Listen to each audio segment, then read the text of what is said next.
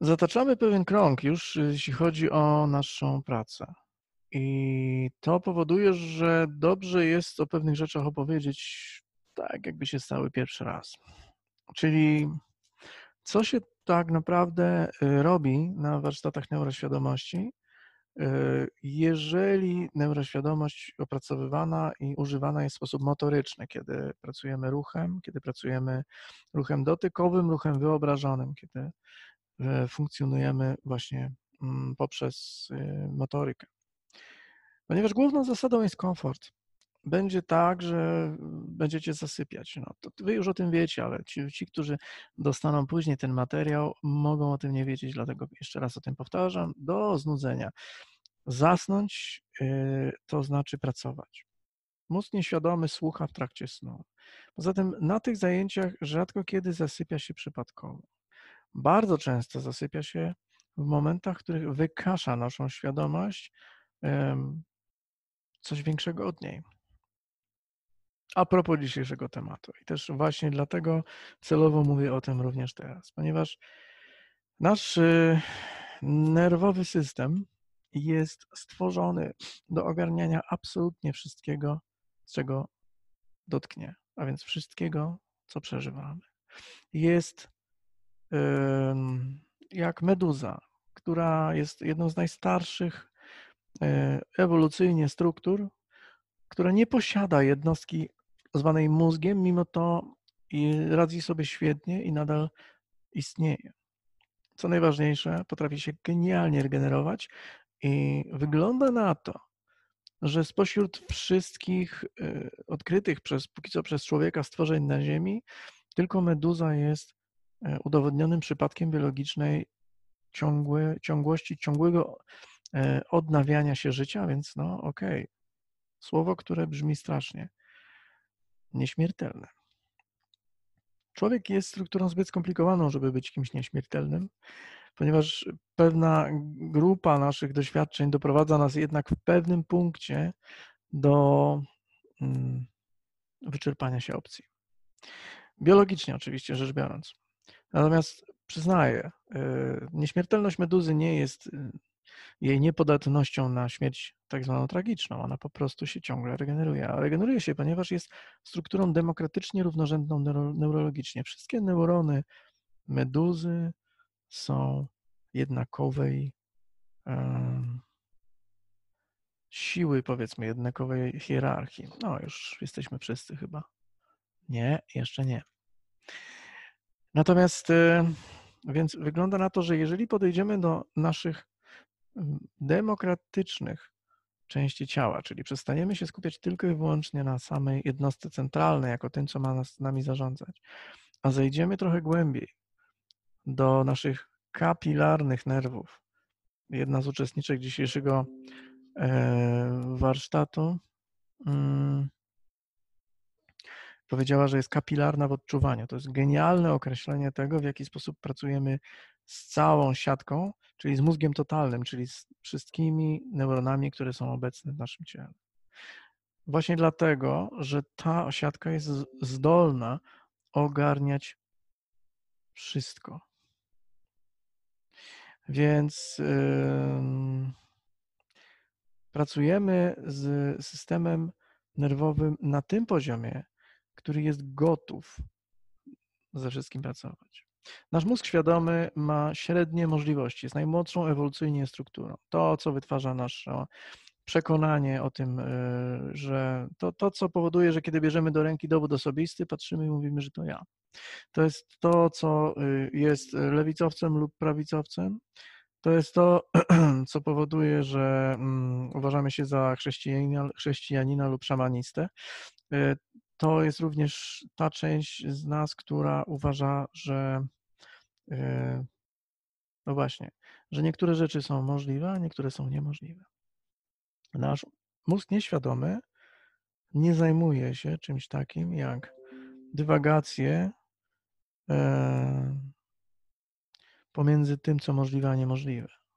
Nasz mózg nieświadomy, jeżeli zakorzenia w sobie przekonanie o tym, że coś jest niemożliwe, to robi to, ponieważ uważa, że jest to dla nas najlepsza opcja, aby nas ochronić. Natomiast nie jest to przekonanie, które mm, na trwałe ukorzenia w tej naszej nieświadomej strukturze niezdolność do wejścia i używania tej sytuacji. A więc y, w naszej głębokiej nieświadomości, nawet jeżeli uważamy coś, coś nie, niemożliwego do użycia, przerastającego nasze możliwości, to mm, nadal y, to nadal w tym wszystkim y,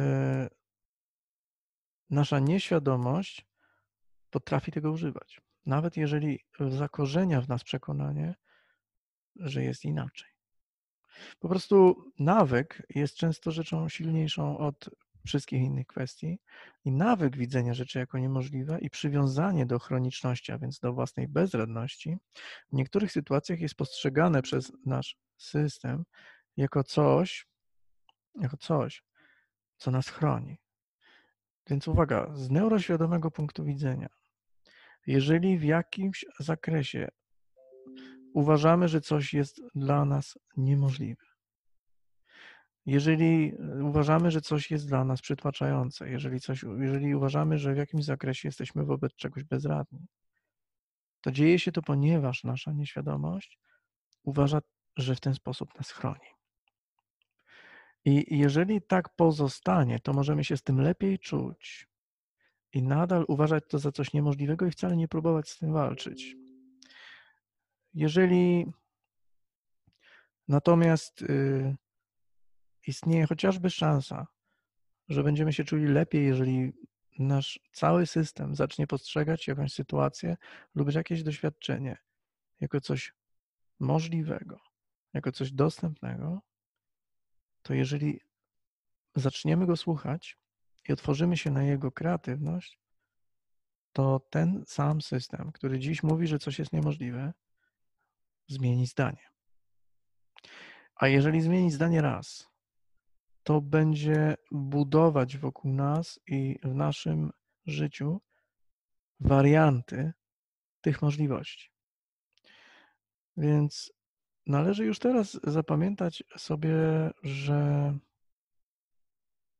nie istnieje obowiązek, aby wszystko, absolutnie wszystko w naszym życiu, co uważamy za niemożliwe dziś, podlegało przy, w naszym życiu pracy, która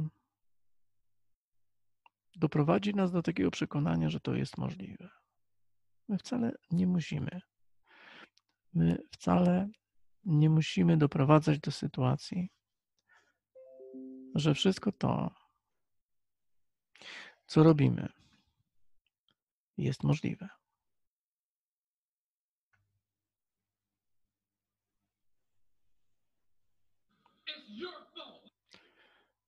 Natomiast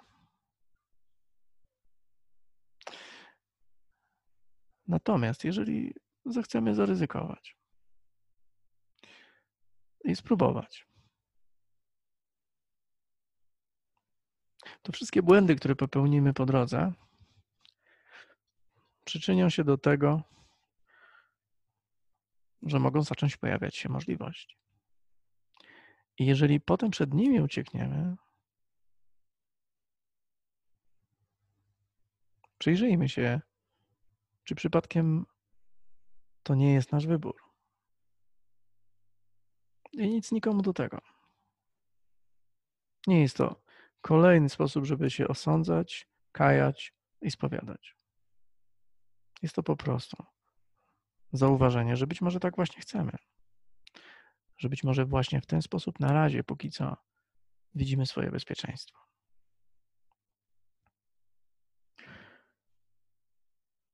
Tak jak powiedziałem dzisiaj na tym webinarze, na wolnym wykładzie na grupie, znak zapytania, Grawitacja jest jedną z największych czynników nie do przeskoczenia przez ludzki organizm. Do tego stopnia, że rozwinęliśmy cały szkielet i cały zespół pracy z wewnętrznym układem ciśnień po to, żeby się do tej grawitacji dostosować. ale jak widzimy, z grawitacją można pracować na kolosalną ilość sposobów i wariantów, które mogą do tego wyglądać pięknie. Taniec, pływanie, lot, skok, pełzanie, leżenie, stanie, spacer. To tylko kilka z nich. I każdy z nich ma swoje odnogi, swoje modyfikacje i swoje warianty. Od naszej czaszki aż do naszej miednicy, przez nasze kończyny, przez nasz kręgosłup, jako przewód rezonacyjny, rezonatorski, nasze żebra. Jesteśmy systemowo połączeni. Z przekaź, jako przekaźnik, system przekaźnikowy grawitacji. Rozpocznę to pewną historią, która jest dowcipem, który już opowiadałem wcześniej. I potem zaczniemy ćwiczenia.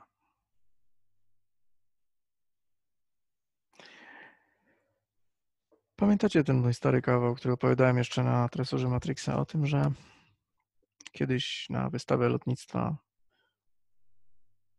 gdzie były dwie części, wystawa lotnictwa nowoczesnego i wystawa lotnictwa tradycyjnego, historycznego, Związek Radziecki, państwo, w którym mieszkała część, połowa mojej rodziny, wysłało dwa samoloty.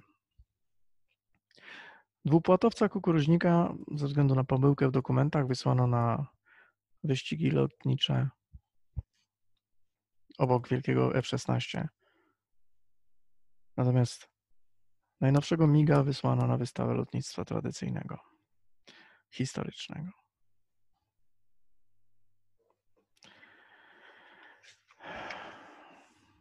Jaka była sytuacja i rozwiązanie tej sytuacji? Poczekajmy do końca tych zajęć.